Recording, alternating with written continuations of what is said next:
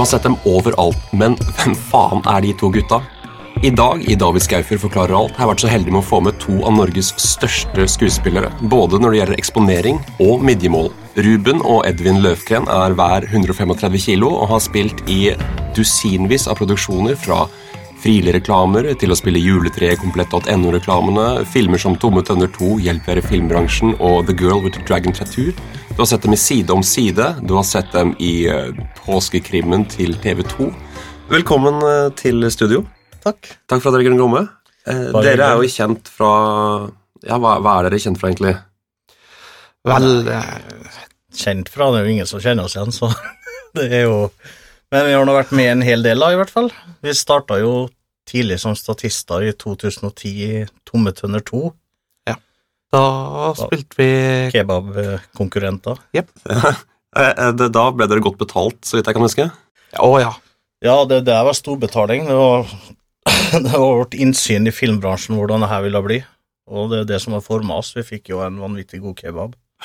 Det var betalinga? Det var betalinga. Det var betaling. Hvor mange dager var det på sett? Du, det ble uh, Ble det fire tre dager? eller fire dager. Fire dager, Aha. tror jeg. Og fire kebab? Nei, det ble bare med den ene kebaben. Ja, Det var en hel helsikes masse Red Bull. Hvordan var det Ja. dere endte opp med å For det, dere har gjort en del statistroller og bygd dere opp eh, til å spille større roller i film og TV, men også driver dere deres eget castingselskap hvor dere caster roller til film. Mm. Mm. Eh, hvordan var det dere starta med denne kebabkonkurransen i Tomme tønner 2, og hvordan var veien dit? Tja, den kan jo du ta, det var din skyld. Det var min skyld, ja. Ja, det var faktisk det. Eh, tok litt pause for litt eh, annen sursving på internett, og, og så snubla jeg da ja, over eh, at de trenger statister til Tomme tønner 2. Og da tenkte jeg at oh, det hadde kunne vært gøy. Sa fra til Ruben om det, og ja. Vi hadde begge lyst til å ja, finne på noe artig. Og jeg er filmfreak, så jeg tenkte at oh, det her passer ypperlig for meg. Hvor gikk veien videre fra, fra eh, rollen som kebabdommer i Tomme tønner 2? Var dere liksom for fullt inne i film etter det?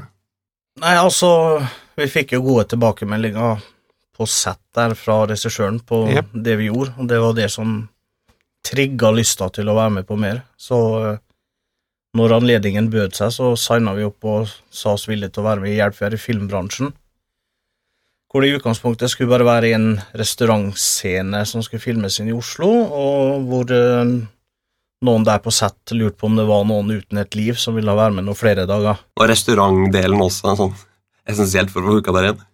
Jo, altså, det, det kan godt hende at vi passer veldig godt til å sitte som restaurantgjester der. Ble dere lova ny kebab, eller var betalingen bedre på dette her? I og med at det var en faktisk restaurant, så så vi for oss en langt bedre middag, men det skjedde jo ikke. Tror det var noe tørr brødmat vi fikk.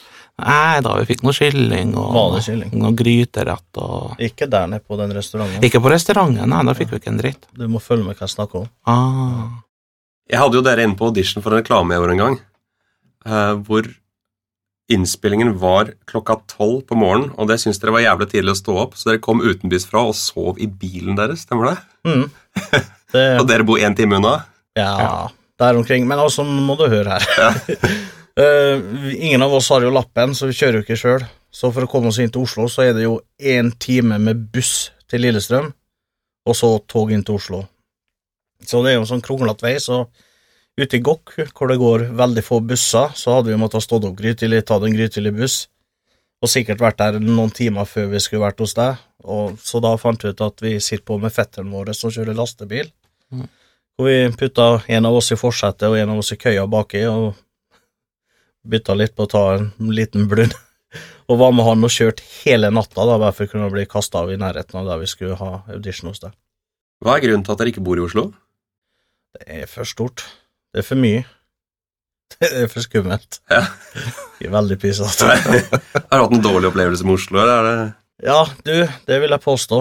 Det er jo tre år siden jeg hadde en vanvittig dårlig opplevelse hvor jeg ble rana på Jernbanetorget.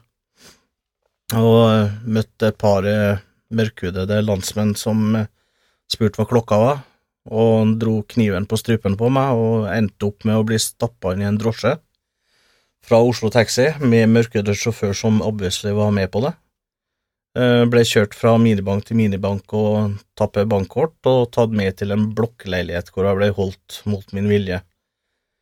Og der så havna jeg i en sånn fight or flight-mode og så for meg liggende som en blødende gris på gulvet der, så det var bare å slå seg ut derfra, løpe ut på gata og få hjelp fra politiet, da, og redda situasjonen. Fikk du hjelp av politiet?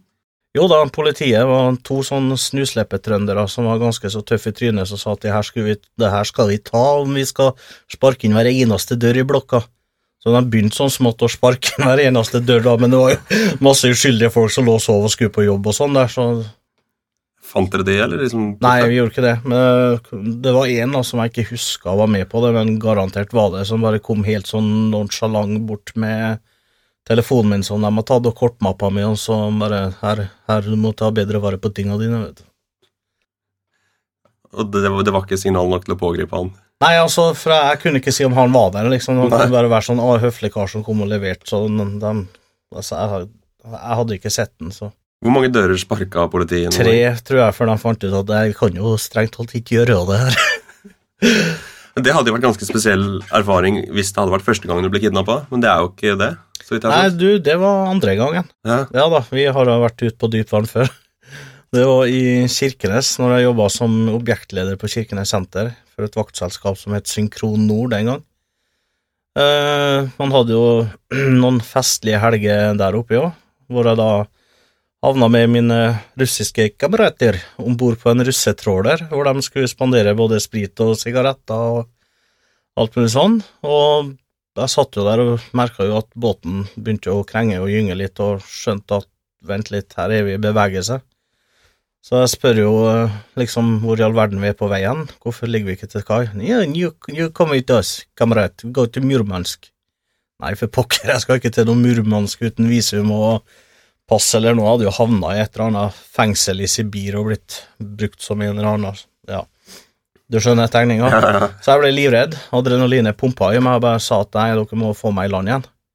Hvorpå de ble hissige, da, mine kamerater, da, de var ikke fullt så kameratslige lenger, så den ene dro frem en sånn god gammeldags batangakniv, det heter, sånn tikk.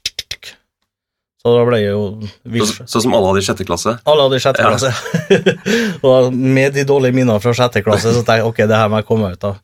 Så det ble litt juling på de russerne der, og hvor jeg fikk tatt fra dem den kniven og løp opp på broa og få tak i den halvfulle russeren som sto og styrte den rustne spikeren av en skute, og sa at du må få båten til kai igjen. Og jeg husker jo at du la til kai, men da blekka jeg ut. Jeg husker ikke å hoppe i land eller noe. Neste jeg husker, var at jeg var sjekka inn på Rika hotell i Kirkenes og ringer brutter'n og en kompis og fortalte historier og sa de måtte komme ned til meg. Hva skjedde da, Audun? Eller hvordan var den samtalen? Nei For meg så var det mer sånn Nei, må du gi deg, du slutt å tulle. Det har ikke hendt. Og han var seriøs da, men det tar en stund før jeg liksom skjønner at ok, han kødder ikke. Nei. Jeg tror det var et kødd. Så kompisen min hoppa i en taxi vi ned til byen da, Mm. bor på hotellet. Det var skalven nå, da? Ja, ja.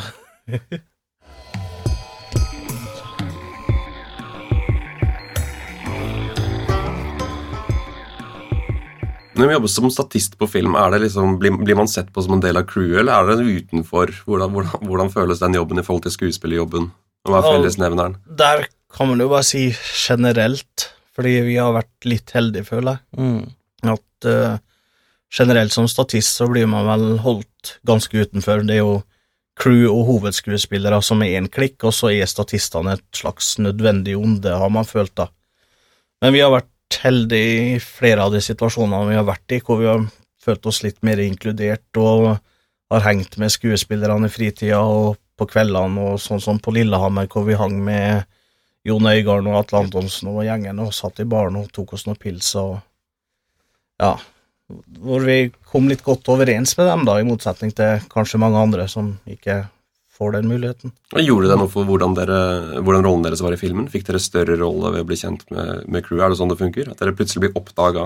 Nei, nei, jeg vil ikke si at vi ble noe særlig oppdaga heller, men du får, du får en connection, da, og det er jo Vi hører jo ganske ofte hvis vi møter de samme skuespillerne om igjen, at uh, 'takk for sist, og jeg har lyst til å jobbe med dere mer', Mm. uten at det nødvendigvis har skjedd hver gang de har sagt det. Men uh, Vi merker jo Vi ble jo putta litt mer i bakgrunnen også for å fylle opp når det var glissent med folk til å være publikum oppi oppe i Lillehammer, så måtte Ja. de spre oss litt og jukse litt med bilder da, for å se ut som det var mest mulig tilskuere der.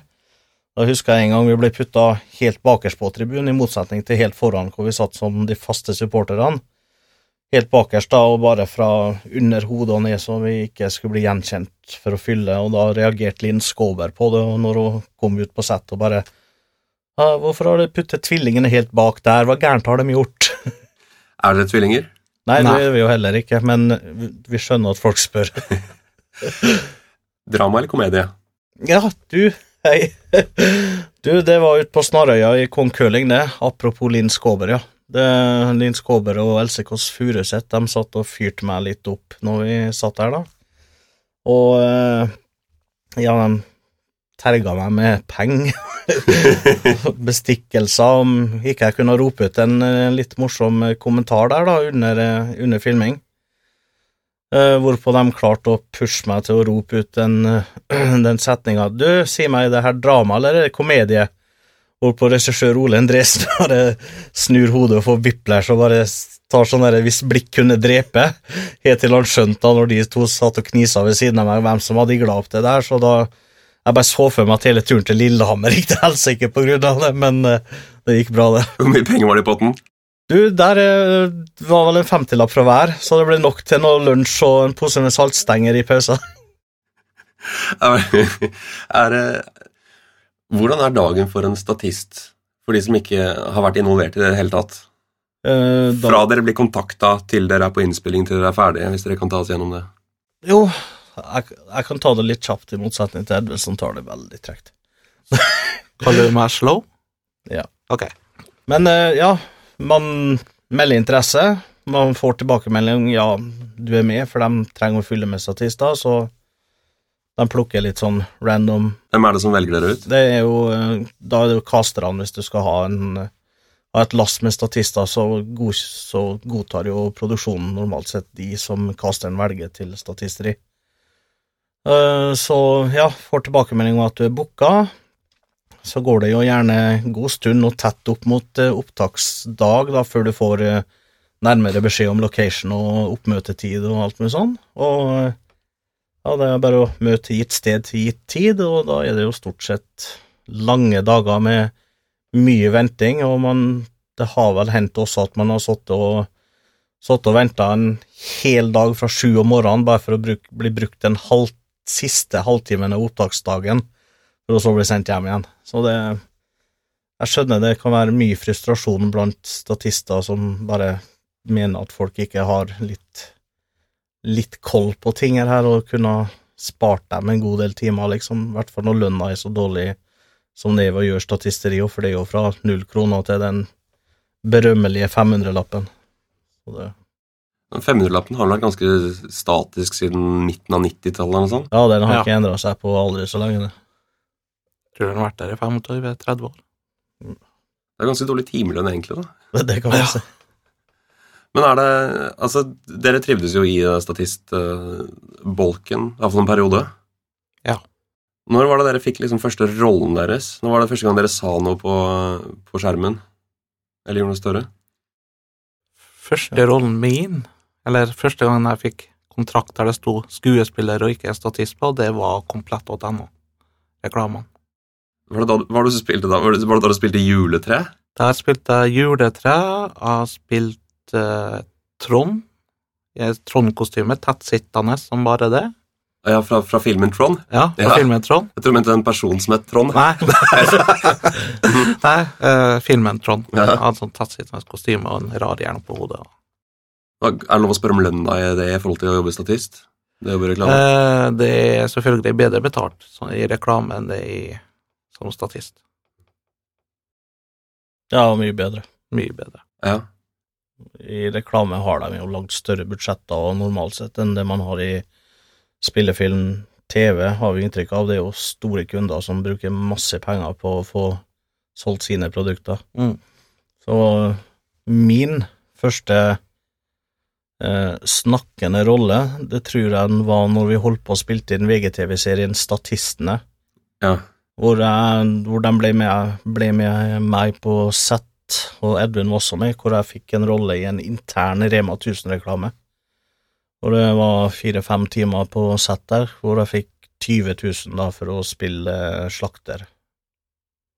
Så det var jo En ganske stor mangedobling av honoraret det, for mye bedre arbeidsvilkår. Da. Ja, så da var det jo ikke noe tvil om at uh, hvis noen ser et potensial i at man kan bruke som skuespiller mer replikker og faktisk gjøre skuespill istedenfor å være sånn statisk bakgrunn, så var jo det mye mer å hige etter.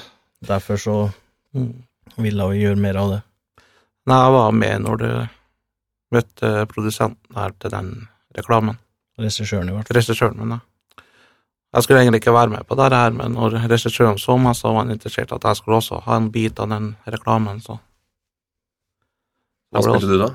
Jeg spilte uh, slakterassistent. Hadde du linje? Nei. Hva var linja Ja. di, Ruben? Husker du det? Du, det var faktisk litt f- forskjellig, og så måtte jeg improvisere litt. Ja. Og det her var jo slakteren langt tilbake i tid, sånn 50-60-tallet eller noe sånt. Så det var, det var bare å anbefale hvordan man skulle steike steika og snakke med fru Andersen. Ja, takk for sist, hvordan går det med dem, frue, hva skal det være i dag? det var den, da. Ja, nettopp.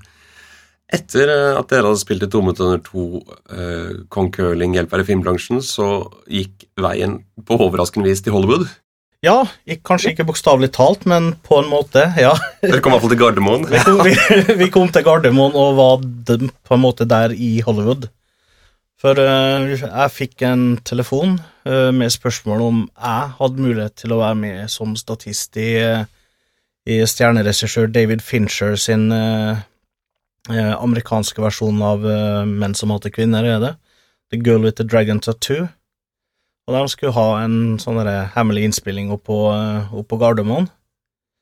Og så sa jeg at det var rundt påsketider, og jeg hadde minstemann fra Alta der, og Edde var der, og så sa jeg at eh, i utgangspunktet at nei, det her kan bli litt vanskelig, men jeg har veldig lyst, så Edvin, kan ikke du passe Markus? Og så, så sier hun bare jo, hyggelig jente, jeg snakker med andre ene, at ja, kan ikke dere alle stille? Jeg kan høre om det går greit, om du har med guttungen, liksom.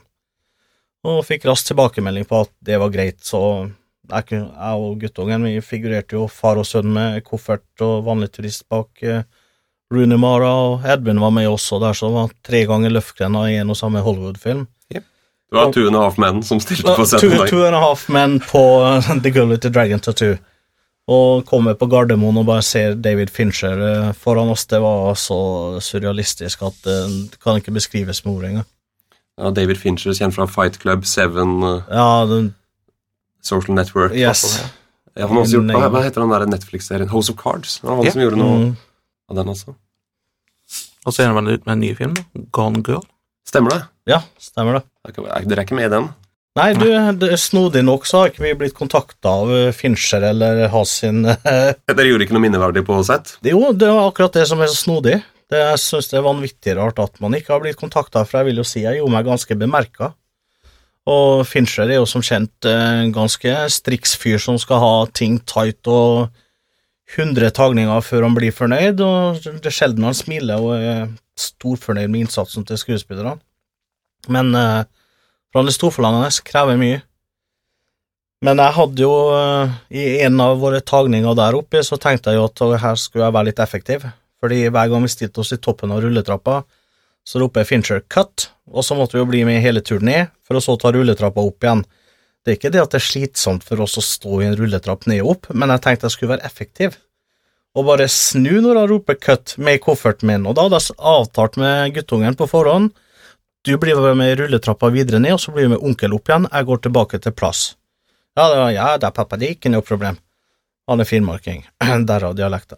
Så, så kommer i toppen av rulletrappa, Fincher roper cut som vanlig, Ruben snur elegant og skal bare løpe de to-tre trinnene opp igjen for å gå tilbake på plass med kofferten.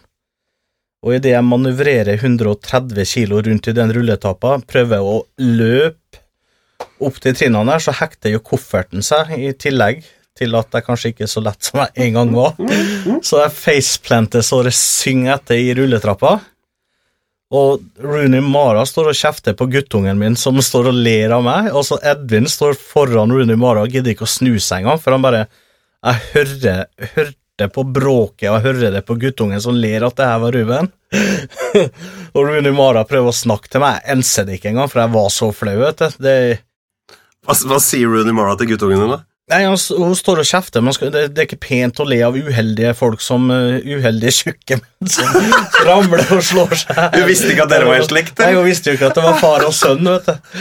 Og Markus står der med den hyenelatteren og bare holdt på å pisse i buksa. Så jeg ble jo pent nødt da, til å være med ned den rulletrappa igjen. Eh, High five en av prodassene som tilfeldigvis var Lars Berteg Andersen for øyeblikket. Gå opp rulletrappa igjen, for å så møte en smilende David Fincher med to tomler opp i været, og bare 'nice job'. Var, det mange andre som fikk nice job den dagen? Nei, det eller? var absolutt ingen andre. Du var den eneste som fikk nice job? eneste. Eneste. Faen, han burde jo huska det! Han burde Ja, huske det. ikke engang Rooney Mara fikk skryt der, altså. Hvor mye endte opp på skjermen der? Du, det var noen, eh, var noen korte sekunder. Edvin var ikke like heldig, hvor vi bare så Jo, bak- jeg, syns det var heldig. Bakhodet mitt så vidt. Ja, ja ok, Ja, sånn hvis det var heldig, Det er jo en av dine beste features. Ja, ja, ja. ja.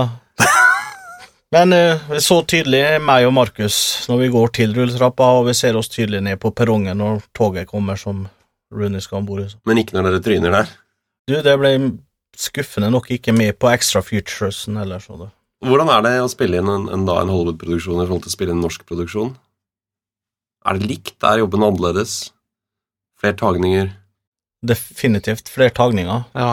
Det, altså, hele greien er jo eh, bam, bam, bam. Altså, Fincher vet jo hva han vil ha. Det er det jo tydelig når man kommer dit, at Mm.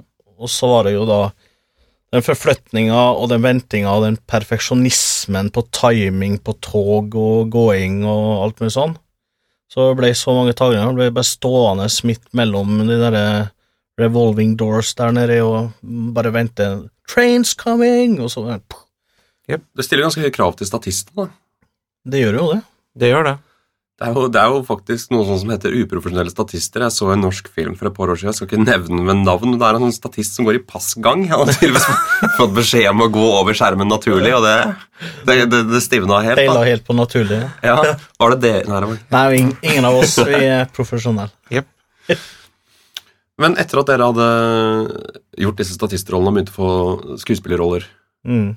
Takka dere nei til statistvirksomhet da, eller var det en måte å finansiere det på å holde Ja. kontakten videre? Helt, helt i begynnelsen så var det jo det, for eh, vi tenkte jo Selv om vi har en god venn som sier at vi har et åpenbart talent som må frem, David, Ja. så, så var det jo sånn helt i begynnelsen at vi fortsatt gjorde noe statistjobber for å bare føle at nå havner vi ikke utfor, for vi har kanskje ikke like stor tiltro til vårt talent som det Mm. David har. Ja. Så eh, vi, vi gjorde litt statisteri da, og det hender jo enda at vi gjør noe småting for å Vennetjeneste, eller for folk som vi kjenner og vet har noe bra. Sånn som til meg. Ja, Ja. sånn som til deg. Vi, hadde, vi lagde jo en pilot uh, før sommeren som nå er i uh, såkalt produksjonshelvete, hvor vi Ja. driver og turnerer den. Vi Løfgranda, Yes. hvor, hvor jeg husker at en av tilbakemeldingene handler om to brødre som øh, sitter hjemme på sofaen og, og prøver å Hovedmotivasjonen er vel å ikke jobbe, og de ender, ender med å jobbe veldig mye, da. Ja. Ved at uh, hver eneste episode er en hustle for å få seg penger. Og, og så, så skrev jeg det ut bare basert på ting dere hadde sagt og gjort. Og så fikk jeg tilbakemelding på det. Jøss, hvordan i alle helvetes dager har du funnet på de karakterene her? Jeg, jeg tror vi må ta det ned et hakk. Det var bare re, ren avskrift. Men det var jævlig morsomt, for vi spilte inn en pilot eh, da før sommeren hvor dere presterer å gå til lokalavisa. Mm. Og den serien her handler jo om å miste Nav-støtten. ja. Hva var utfallet av lokalavis-stuntet deres der? Vi mista Nav-støtta. Hvordan skjedde det?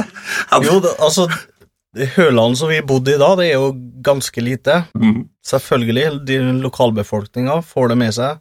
De jobber på Nav, og de ser, se på gutta. Her er de i avisa, og de skal lage egen TV-serie med seg sjøl i hovedrollene. Så alle ryktene på Nav, da, i gangene på Nav, at Ruben og Edvin de er rike og berømt, dem, hvorfor får de penger fra oss, og den kutter vi. Og vi har vært der og trygla og bedt og forklart, men det nytter ikke.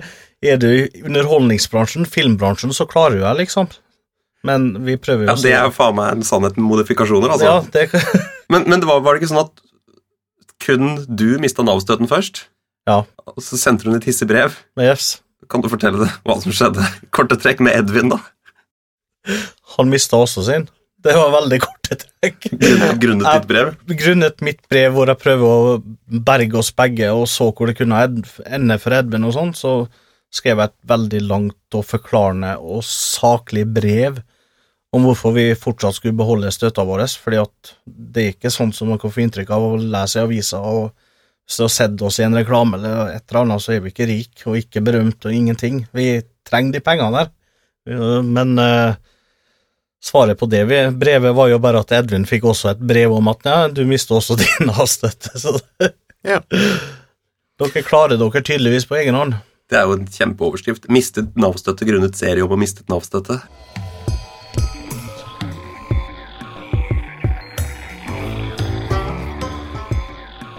Du dukka jo opp i uh, nyhetskanalen 5080. Ja. har jeg sett en del. Det var vel det siste jeg har gjort nå. Det var en sketsj som skulle parodiere alle de der filmklippene som ble lagt ut eh, fra eh, The Voice og Idol og sånne ting, hvor eh, man da ikke tror hva som kommer ut av munnen på denne tolv år gamle jenta.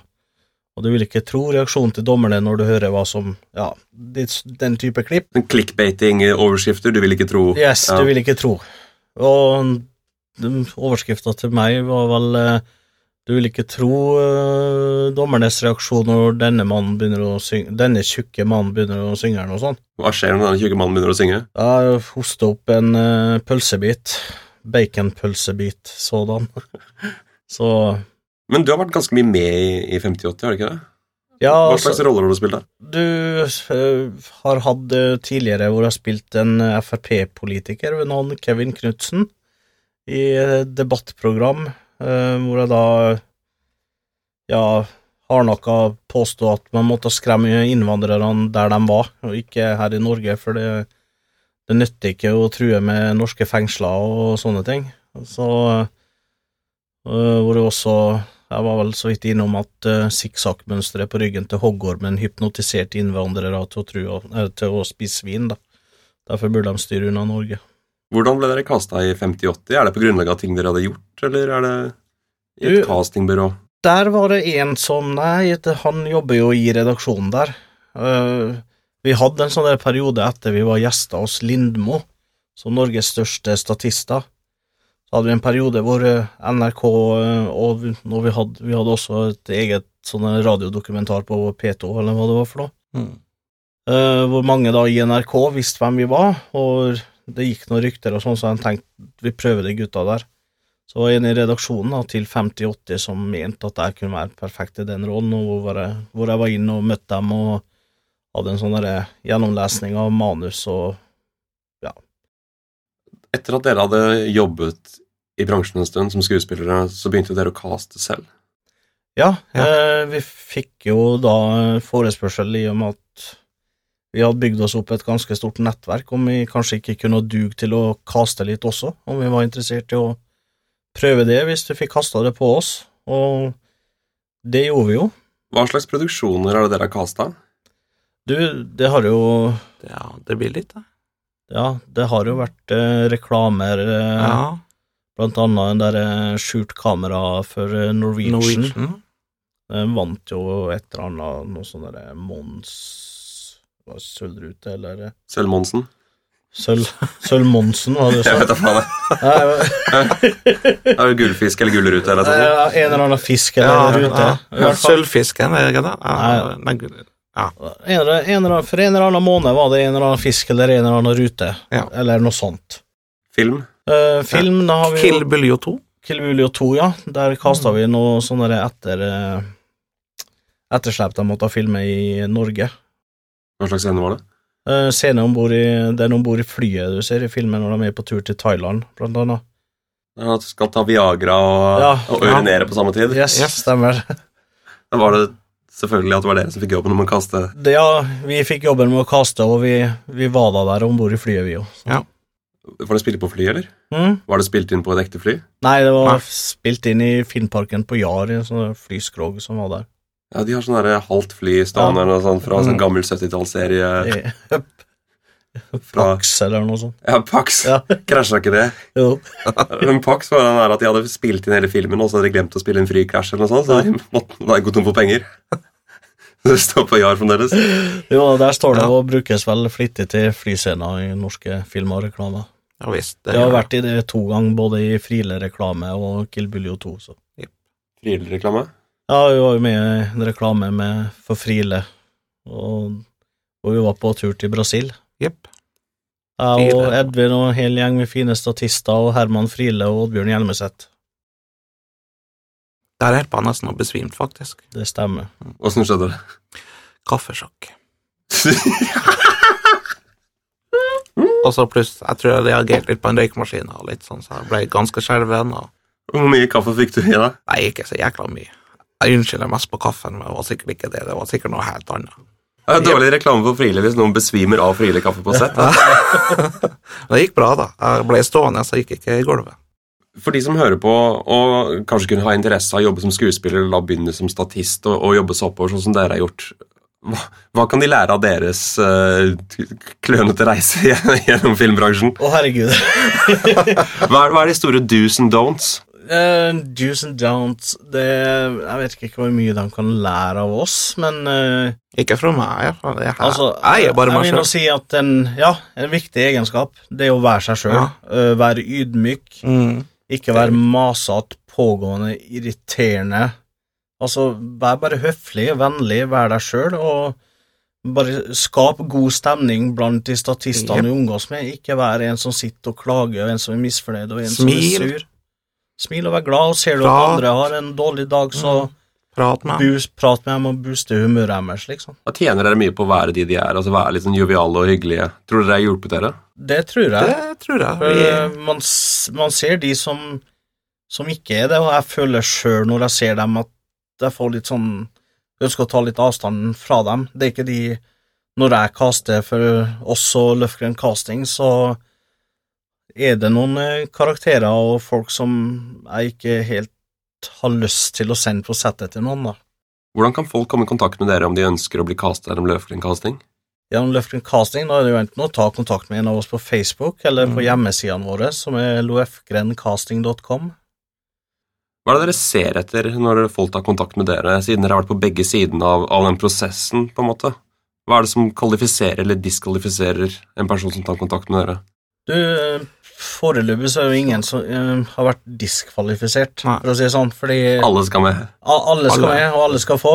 Ja. Men uh, det, er jo, også, det er jo så bredt spekter av uh, unike mennesker som, som skal brukes i filmsammenheng og i reklamesammenheng og TV og hva enn det måtte være. Så Mm. alle har en mulighet. Det er bare Altså, jeg klarer, jeg klarer ikke å luke ut når jeg får mail og registreringer, liksom hvem som ikke er aktuell for noe som helst. Eh, Vi får jo CV-er, vi får jo se ting de har gjort før. eh, Noen har showreels, noen er ny, og noen har utdannelse, noen har ikke utdannelse. Men eh, eh, man ser jo an generelle skrivemåte også om, om antennene er i orden eller ikke. Har dere fått noen skrekkeksempler på Vi har vel fått, uh, vi har vel fått noen eh, hvor man har kasta i en viss aldersgruppe og et visst kjønn, hvor du får det motsatte kjønn i en langt yngre aldersgruppe, som sier at uh, ja, det kommer sånn tåpelige kommentarer som ja, men jeg kan sminkes til å se ut som jeg er 20 år eldre,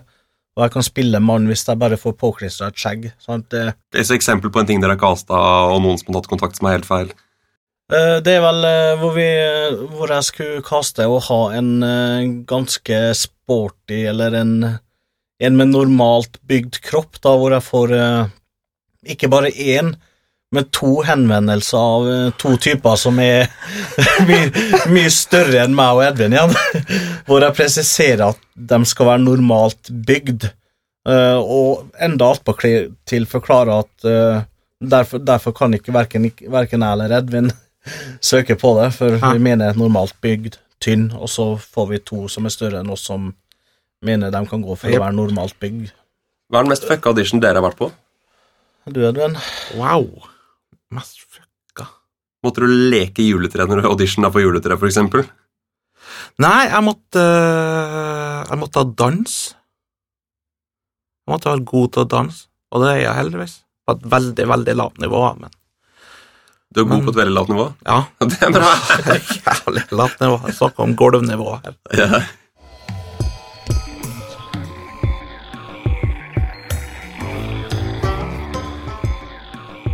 Edvin, du er singel for tiden, har hørt. Ja. Så du, du skulle egentlig forberede en lite sånn innlegg, en liten sånn Hva skal vi kalle det? Kontaktannonse? En liten kontaktannonse i dag, men det var jo tydeligvis for slitsomt å skrive ut den, så du ville gjøre det her på rappen. Ja, på en måte på rappen, Ja, ja. du hadde mye å gjøre i dag. Ja. Ja, jeg tenker at Vi kommer til å legge på litt sånn romantisk musikk, ja, og så skal, skal Ruben og jeg steppe inn når du kommer til kort. Eh, Du gjerne Ja, bare ha fyll på der jeg missa opp, ja. Ja, ja, ja. Det kommer nok noen uh, blanks her, så vi skal, vi skal hjelpe deg videre. Ja, jeg må vel Hvor skal du begynne? som jeg Ja, jeg må fortelle om Selg deg inn bra nå, Edvin. Ja, jeg skal, ja, ja, ja. Rett fra det store her oppe. Han peker på hodet. Ja. ja. For ordens skyld. uh, ja, uh, jeg heter Edvin Løfgren. Har et mellomnavn, men jeg trenger ikke å si her. Det er Marvin. Eh, 33 år. Uh, en uh, moroklump som faktisk er en klump. Med perfekte former. En er forma som en fin, grønn pære. Hva er dine største kvaliteter, Edvin? Største kvaliteter eh, Eh, Ruben, var hans største kvaliteter? Ja, det måtte jeg si. Slutt å spørre så vanskelig. For det er jævlig vanskelig for Han er, meg. han er veldig snill. Ja, Utrolig det- snill. Han har et hjerte av gull. Og Ja. Ja. Hva ser du etter hos en dame, Edvin? Hvis du lener litt inntil mikrofonen sånn her. Hva ser du etter hos en dame, Edvin? Jeg ser at jeg som har stort personlighet og ja, kan holde for den vakre kroppen her. Som jeg sier, jeg har et utrolig vakker ansikt som passer seg på radio. Og Ruben, jeg lurer på om du skal steppe inn altså, og selge inn broren din litt bedre enn han klarte akkurat nå. jeg kan ikke selge Du begynner med at jeg vil gjerne eh, love bort min bror Edvin på 33. Jeg vil gjerne love bort min bror Edvin Marvin Løfgren på 33 år. Oh, yeah. Han er en stor gutt med et stort hjerte. Veldig snill. Humoristisk. Masse selvironi.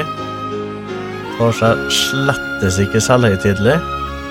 Alt han leter etter, er bare ei jente som vil ha han. Han er ikke så nøye på det. Han er bare desp. Han vil ha ei jente som vil ha han. Jeg er ikke det- desp. Det er viktig bare at du har puls. Det det viktigste er at du har puls, og ja Hun har tenkt seg å date han. Hvordan kom han i kontakt med Edvin? Eh, man kommer i kontakt med Edvin på Facebook. Han har åpen profil der. Det er bare å sende en melding i innboksen. Eller dere kan maile på edvin at loefgrencasting.com og si Skriv tittelen 'Hei, kjære'. Takk for at dere kunne komme. Jo, det var Jo. da så lite. Takk.